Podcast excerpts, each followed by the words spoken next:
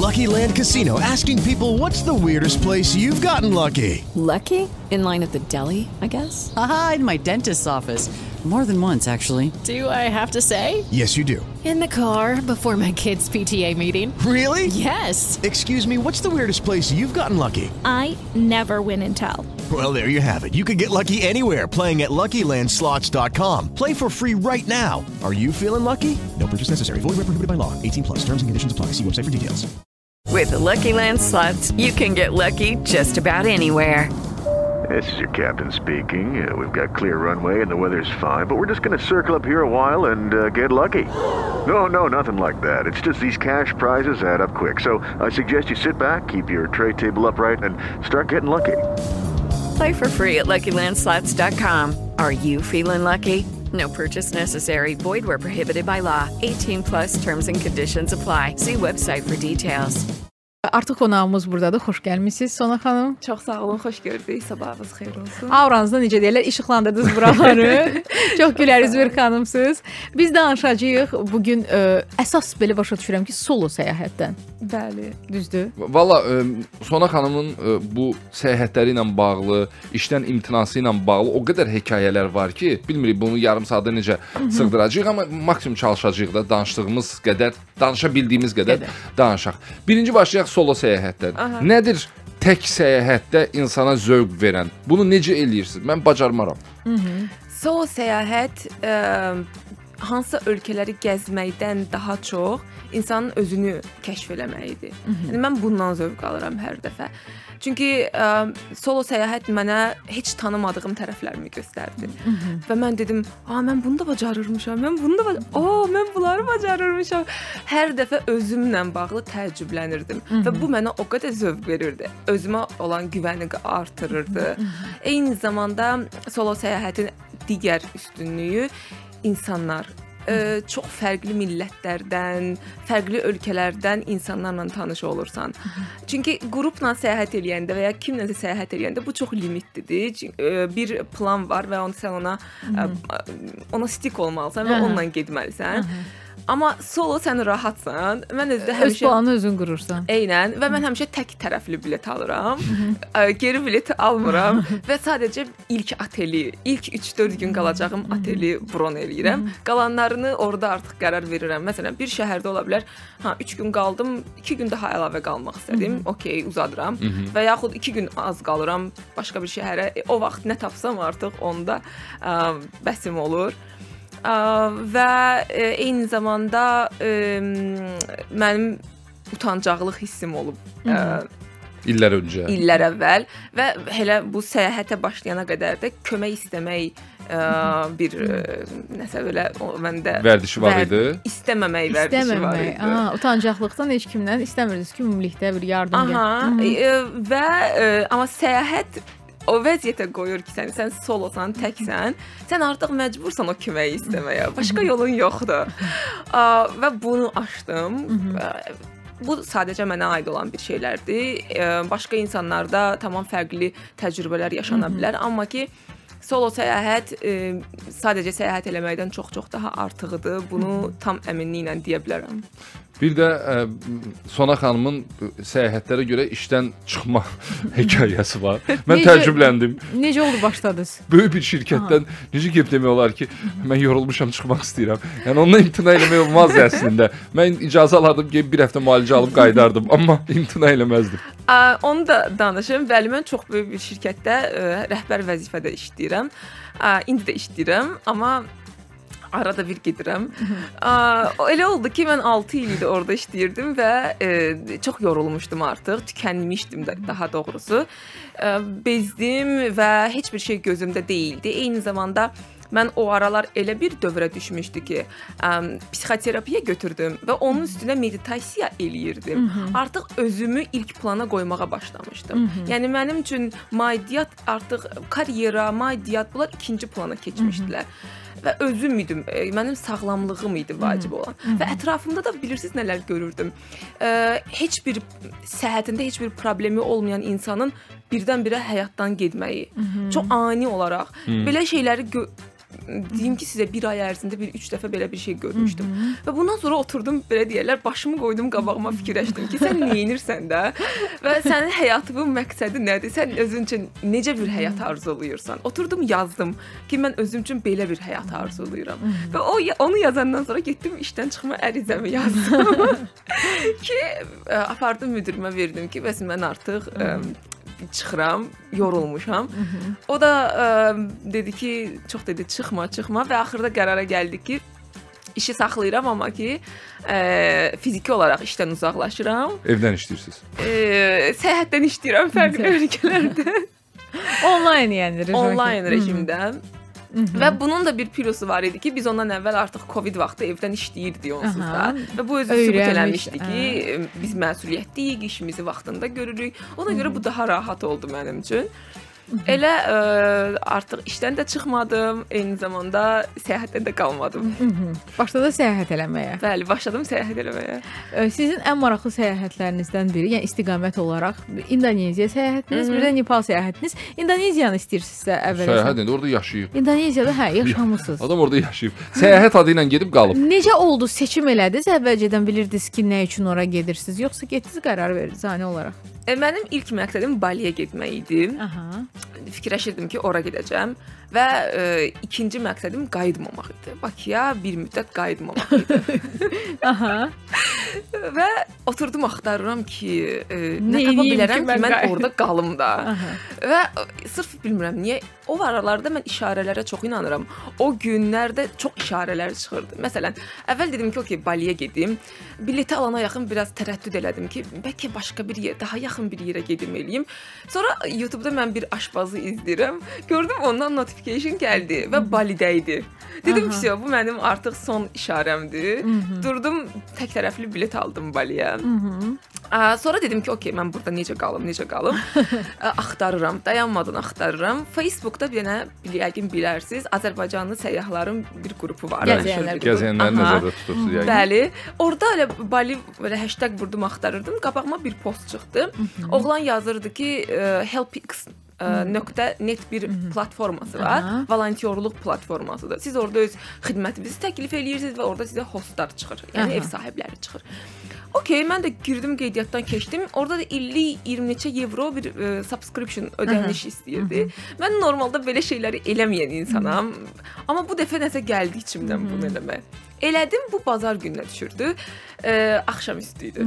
Mən də hər səhər saat 5-in yarısı 5-də yuxudan oyanan insanam. Həm işim işimə görə, həm də ki bunu çox sevirəm artıq.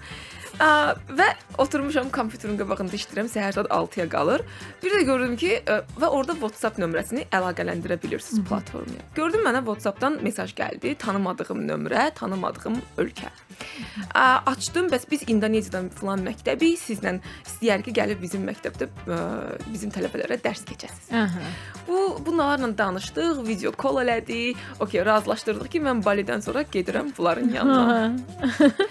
Ondan sonra elə üstündən bir 2 saat keçmişdim. Ə, mənə bir başqa təklif də gəldi. İordaniyadan gəldi bu dəfə. Aha. Ə, o da bir neçə ay sonraya təyin elədik ki, oradan çıxıb mən bir neçə ay sonra İordaniyaya gedəcəm. Və belə oldu ki, artıq mənim qalmağa yerim də var idi İndoneziyada. Belə rahat olub prosesdə, yəni bu qədər rahat olur. Yox, heç biri bu qədər rahat deyildi. Çox rahat danışırsınız. Hətta deyəcəydim ki, bundan sonra gələn təklifləri bizə də yönləndirin. Expectation and reality olmadı gedib çıxanda. Oldu biraz. Aa, Onu da danışaram.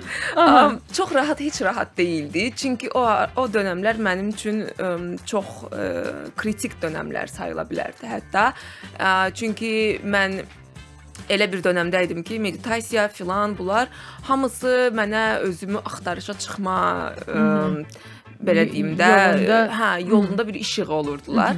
Və bunları özümü tapdıqca da artıq bir çox insanlardan uzaqlaşırdım ətrafımdakı ə, və Azərbaycanda heç kimdən ə, görürdüm ki, mənim artıq söhbətim də tutmur. Belə getmək həvəsim daha da çoxalırdı.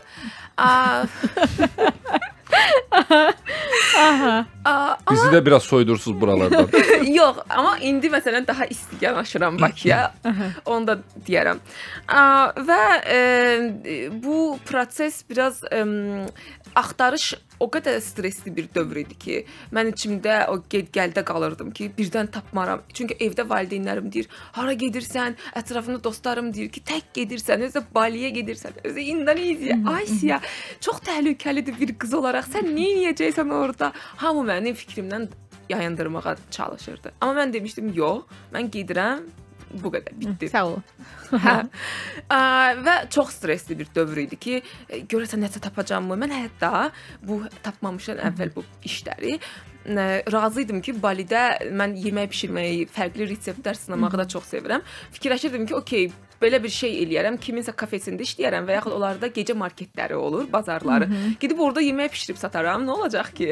yəni və bununla özümə orada bir qalmağa bir şey taparam. A, və burada bir məqam önəmlidir ki, sən nə qədər qətiyyətlisən istədiyində. Mən kainatla o enerjiyə çox inanıram. Sən nə qədər qətiyyətlisənsə, nə qədər dəqiq enerji ötürürsənsə, kainat axırda bezir, deyir ki, al artıq bunu, məndən əl çək. Mən artıq ona inanıram və o mənə düşünürəm ki, çox kömək oldu ki, ə, həyatdan nə istədiyini biləndə insan onun da qabağına o yolda nə lazımdırsa, nəyə ehtiyacı varsa, o da çıxır. Və mən o anda mənə lazım olan Baliyə gedib orada qalmaq idi və mən çox qətiyyətli idim deyə ə, həyat onu mənə gətirdi. Gəlin biraz da o İndoneziya təcrübəsini Hə, bölüşək. Elə getdiniz, getdiniz Nə oldu? Məsələ. İndoneziya, Bali, e, Bali onsuz da istirahət idi. Mənim məqsədim orada tam istirahət idi, amma orada da solo idum. Orada da necə oldu? Bookingdə bir otel tutdum və orada community bölməsi var, icma. Girdim orada yazdım ki, mən falan tarixlərdə Balidə olacağam. Çünki tək gəzməklə tam tək də gəzə bilmərsən axı da. Bookingdə var o bölmə? Var. Yəni, in- amma ölkəni seçib otel bron eləyəndən sonra Sonra, olur. Aha. Bir ə, Hindistanlı qız yazdı mənə oradan ki, bəs mən də eyni tarixlərdə ordayam, gəl görüşək. Məsələn biz bununla Instagramda danışdıq, belə elə orada görüşdük. Bir 2 həftə ə, biz bir yerdə gəzirdik. Sonra elə oldu ki, bir Amerikanka ilə tanış olduq. Üçümüz bir yerdə gəzirdik artıq. Sonra elə oldu ki, Jakartadan başqa qızlar bizə qoşuldular və qrup halında biz belə maraqlı-maraqlı gəzirdik. Fərqli Balinin insanlar, fərqli fərqli mədəniyyətin olan. Eynən. Və Bu o qədər yəni qrupla gedəndə bunu heç eləyə bilmərsən. Bu mümkün bir şey deyil. Vali ə, belə deyim qəşəng idi, amma oradan sonra keçdiyim tərəf ə, çox belə challenge-lərlə dolu bir yer oldu. Çünki İndoneziya heç də ə, Balidə gördüyümüz həyatdan ibarət deyil. Çox kiçik bir şəhərdə yaşayırdım. İnge insanlar ingiliscə bilmirdilər. Sidoarjo idi adı. Çox kiçik bir qəsəbə. Balidən çıxdınız, Balidə bitirdiniz istirahətinizi, getdiniz artıq işləməyə. İndoneziyada qalıb bir Yəni növdə. işləmək də sayılmaz. eləmək deyək. də. Volontiyorluq eləmək deyək. Getdim orada bir məktəbdir, dini məktəb idi. Ba- Yəni uşaqlar, qızların başı bağlı idi və qızlar ayrı, oğlanlar ayrı belə oxuyurlar.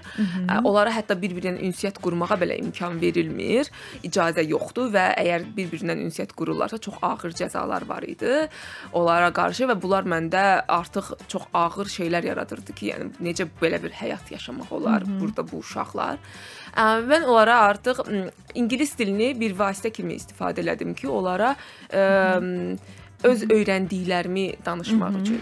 Öz sevgi nədir, özünü sevmək necə olur? Və digər bu kimi şeylər.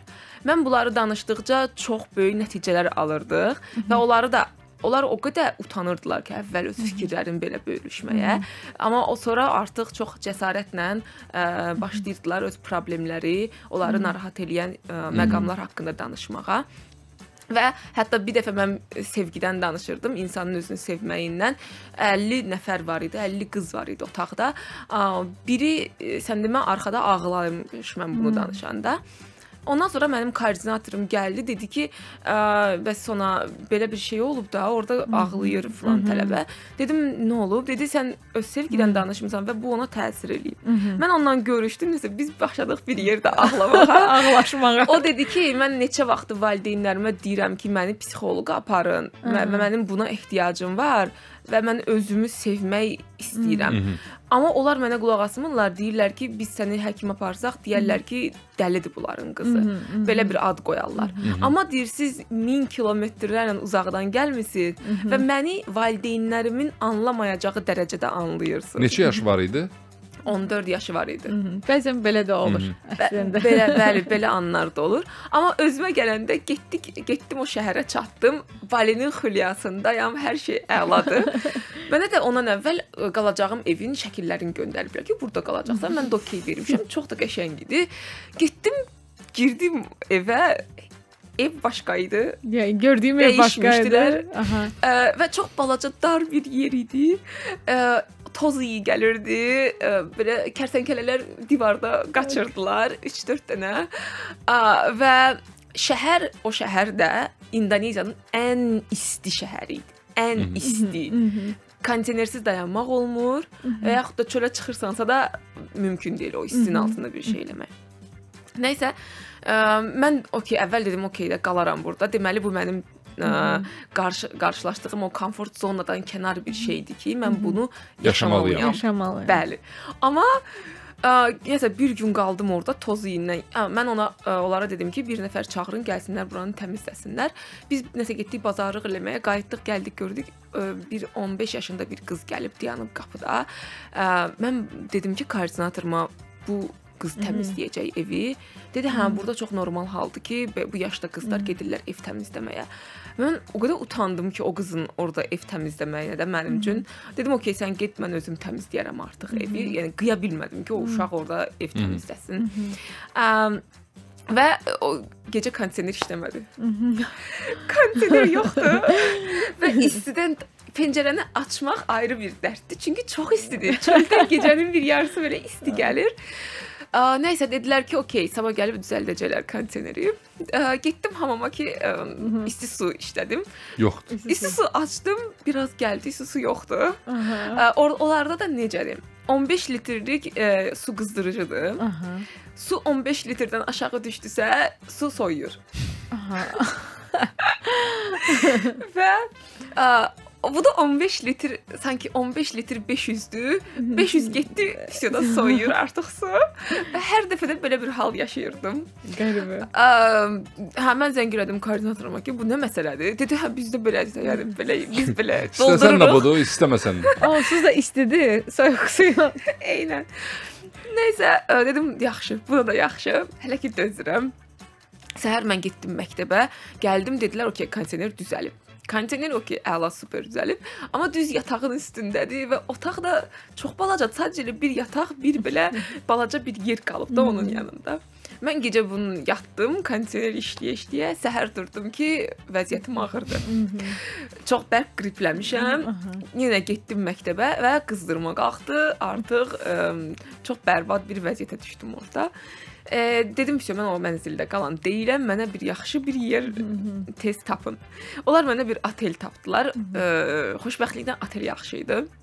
Amma orada da belə bir şey oldu ki, mən 4 gün qızdırmadan oyana bilmədim. Mən e, bir şey soruşum. Burada həkim məsələsi belə maraqlıdır bizə. E, Orada tibb sahəsi necədir? Əm, Danışmaq istədiyinizi e, yadda saxlayın. Bu, bu tibbi də Tamam. müzakirə edək. Tibbdə çox ə, dediyim kimi orada çox balaca yer idi və ə, hər şey çox primitiv formadadır orada. Necə hə- primitiv.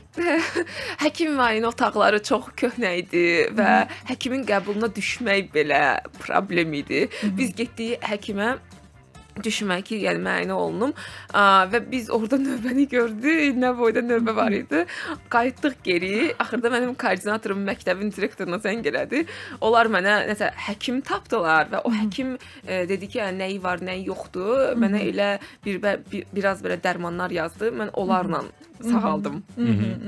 Gedib orada düşmək belə çətin idi həkim növbəsinə düşmək. Və bəli. Və ingilis dilini danışmırlar deyə mən elə bilin ki, o koordinatoruma attached olmuşdum da hər yerdə. Onsuz heç bir yerə gedə bilmirdim.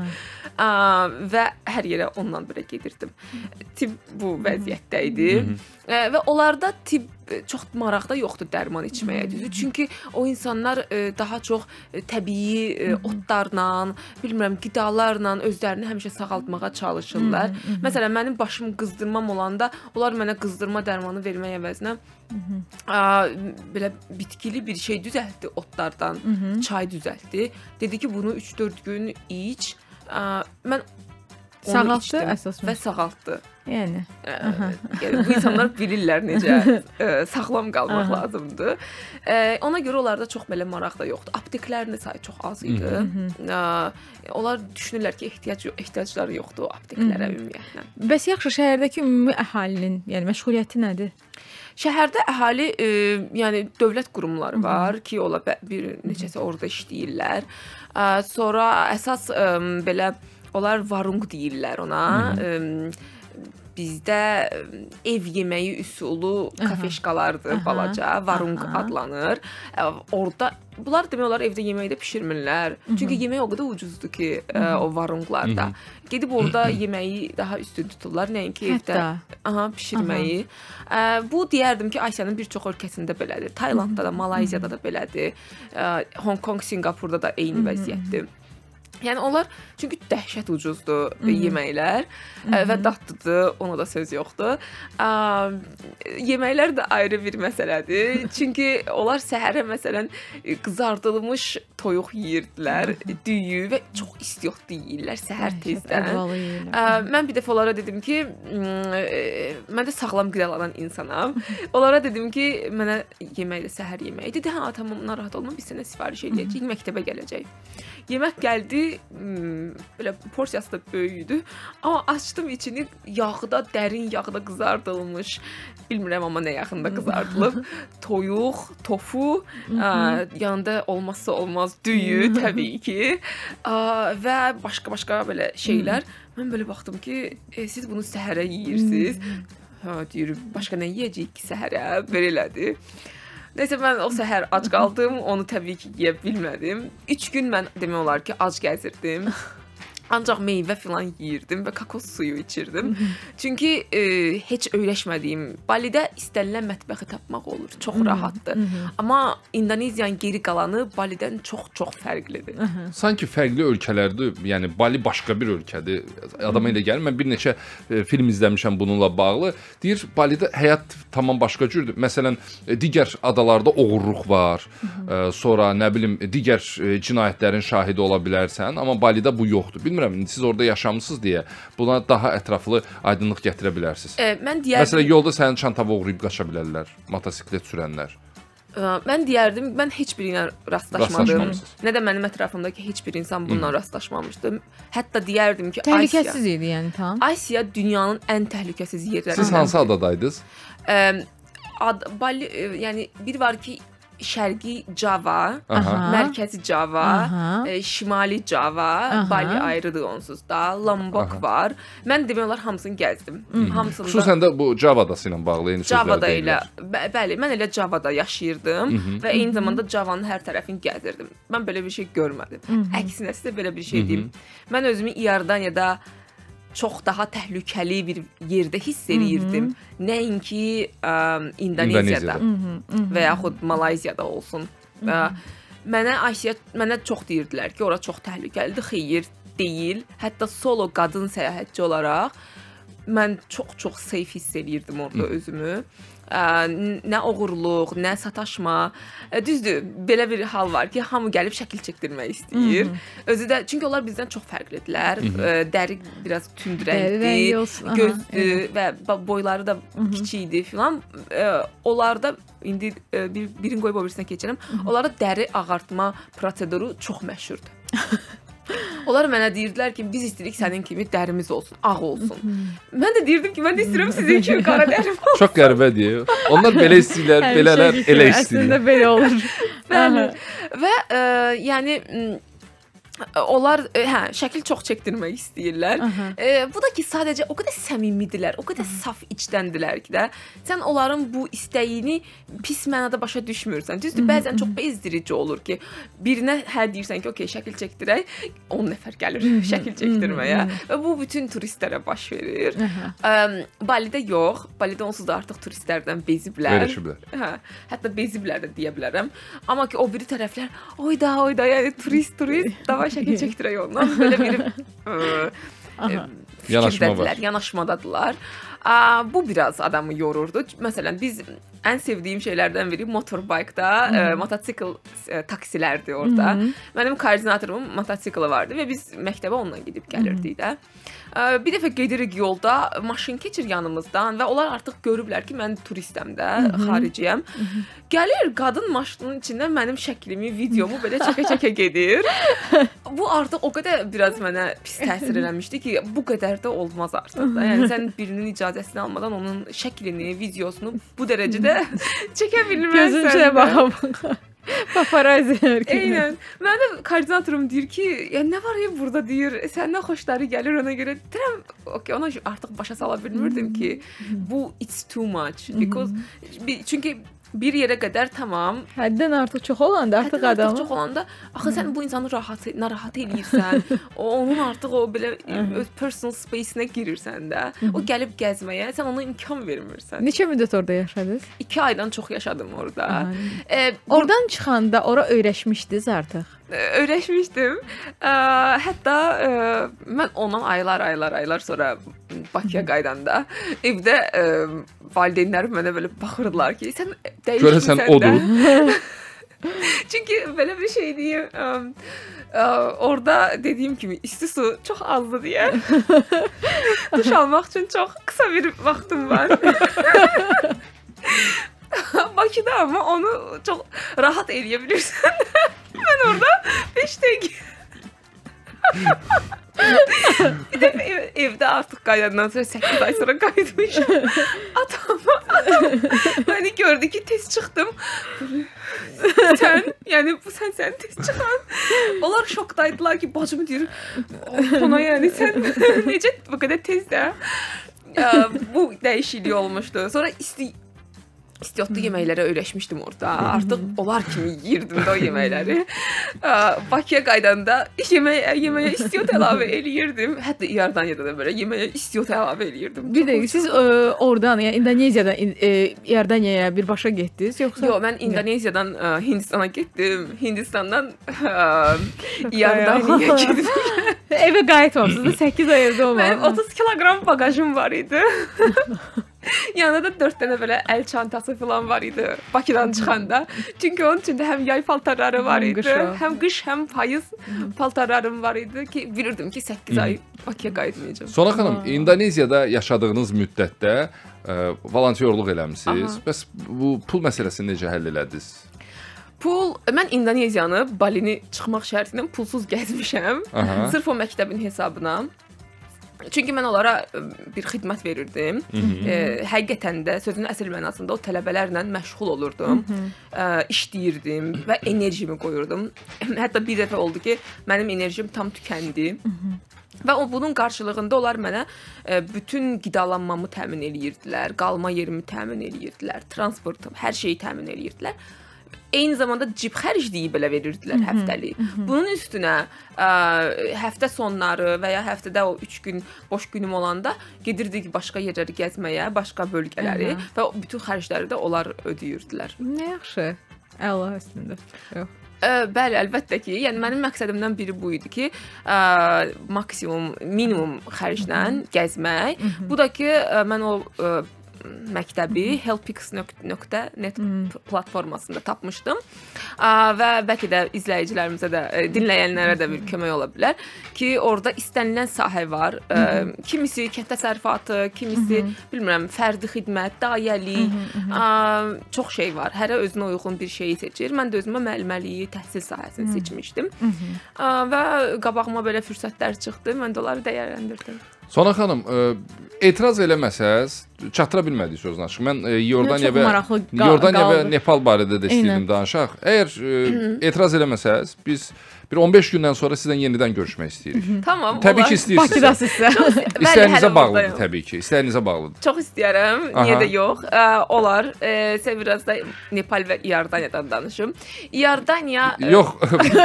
mən onu demək istədim ki, bizim vaxtımız çatmır orada. Aa, artıq bitdi vaxt. Mən onu demək istəyirəm ki, bizim vaxtımız çatmır. Aa, Ona görə tamam. sizin istəyinizə bağlı olaraq bir 15 gün sonra yenidən təklif edirəm görüşək burada. Okey. Vaxtınız olsa. Daha detallı danışaq. Olar. Ha, və salam. Biz İndoneziya ilə bağlı düzdür, bilmirəm. Hə, vaxt çox tez keçdi. İndoneziya ilə bağlı maksimum danışmağa çalışdıq. E, sözün açığı Nepal və Yordaniyadan maraqlıdır. Gələn dəfə xahiş edəcəm saat 9-da gələsiniz. Taksi Ə, şəhərin ə, bu tıxaclarına Ehtiyac görə. yoxdur. Lazım olsa özümüz gələrik dalınca. Çox sağ olun.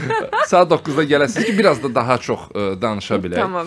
E, bu, bu dəfə çox danışa bilmədik, alınmadı. İndi vaxtımız çatmadı.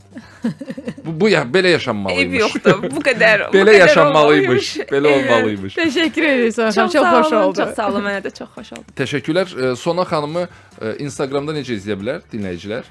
Instagramda mənim meditasiya ə, studiyamın səhifəsi var. Maitri.az. Oradan izləyə bilərlər. Vəssalam. İzləmək istəsiniz, e, baxın orada maraqlı şəkillər və storylər olur, güman edirəm. E, Biz isə proqramın bu günə olan buraxılışını yekunlaşdıraq. Yeri gəlmişkən Sona Şıxməmmədova ilə olan söhbətimizin video yazısına YouTube-da 1-2 saatdan sonra baxa bilərsiniz Avto FM-in rəsmi kanalında. Sonra e, Eləcə də digər podkast proqramlarında, Apple-da, um, Spotify-da, Deezer-də dinləyə biləcəksiniz. Və salam. Proqramın baş sponsoru Abobedir. E, faizsiz taksitlə iPhone almaq tam kartla artıq mümkündür. 3 dekabr tarixinə qədər ölkənin böyük elektronika mağazalarından istənilən iPhone modelini yalnız tam kartla 27 aylıq faizsiz taksitlə əldə edə bilərsiniz. Hyundai avtomobil sürücülərinə əla fürsət, zəmanətsiz avtomobil sürüb gözlənilməz təmir xərclərindən ehtiyat edirsinizsə, Raz- Hyundai Azərbaycanın təklif etdiyi ekstra zəmanət proqramı məhz sizin üçündür. Təklif edilən Gold və ya Silver proqramlarından sizə uyğun olanı seçin. Avtomobilinizi yarana biləcək əlavə təmir xərclərindən sığortalayaraq daim saz vəziyyətdə sürün. Sizə sadəcə büdcənizə və avtomobilinizə uyğun zəmanət paketini seçmək qalır. Ətraflı məlumat 3w.hyundai.az telefon 989.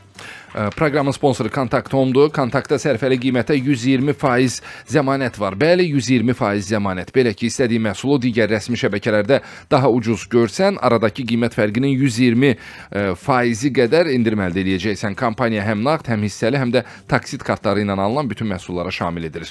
Ətraflı məlumat ulduz 6060 və ya kontakt.az. Sponsorumuz Aras supermarketlərdə əla qiymətlər kampaniyası 6 dekabra kimi davam etməkdədir. 1 kiloqramlıq 82 faizli portakali kərə yağı cəmi 12 manat 99 qəpiyə. 400 ml-lik Head and Shoulders şampun cəmi 6 manat 19 qəpiyə. 1 litrlik Zatea günə baxan yağı cəmi 2 manat 49 qəpiyə. Siz harda? Araz orada. Bu günü bu qədər. Sabah səhər saat 8-də görüşərik. Hələlik.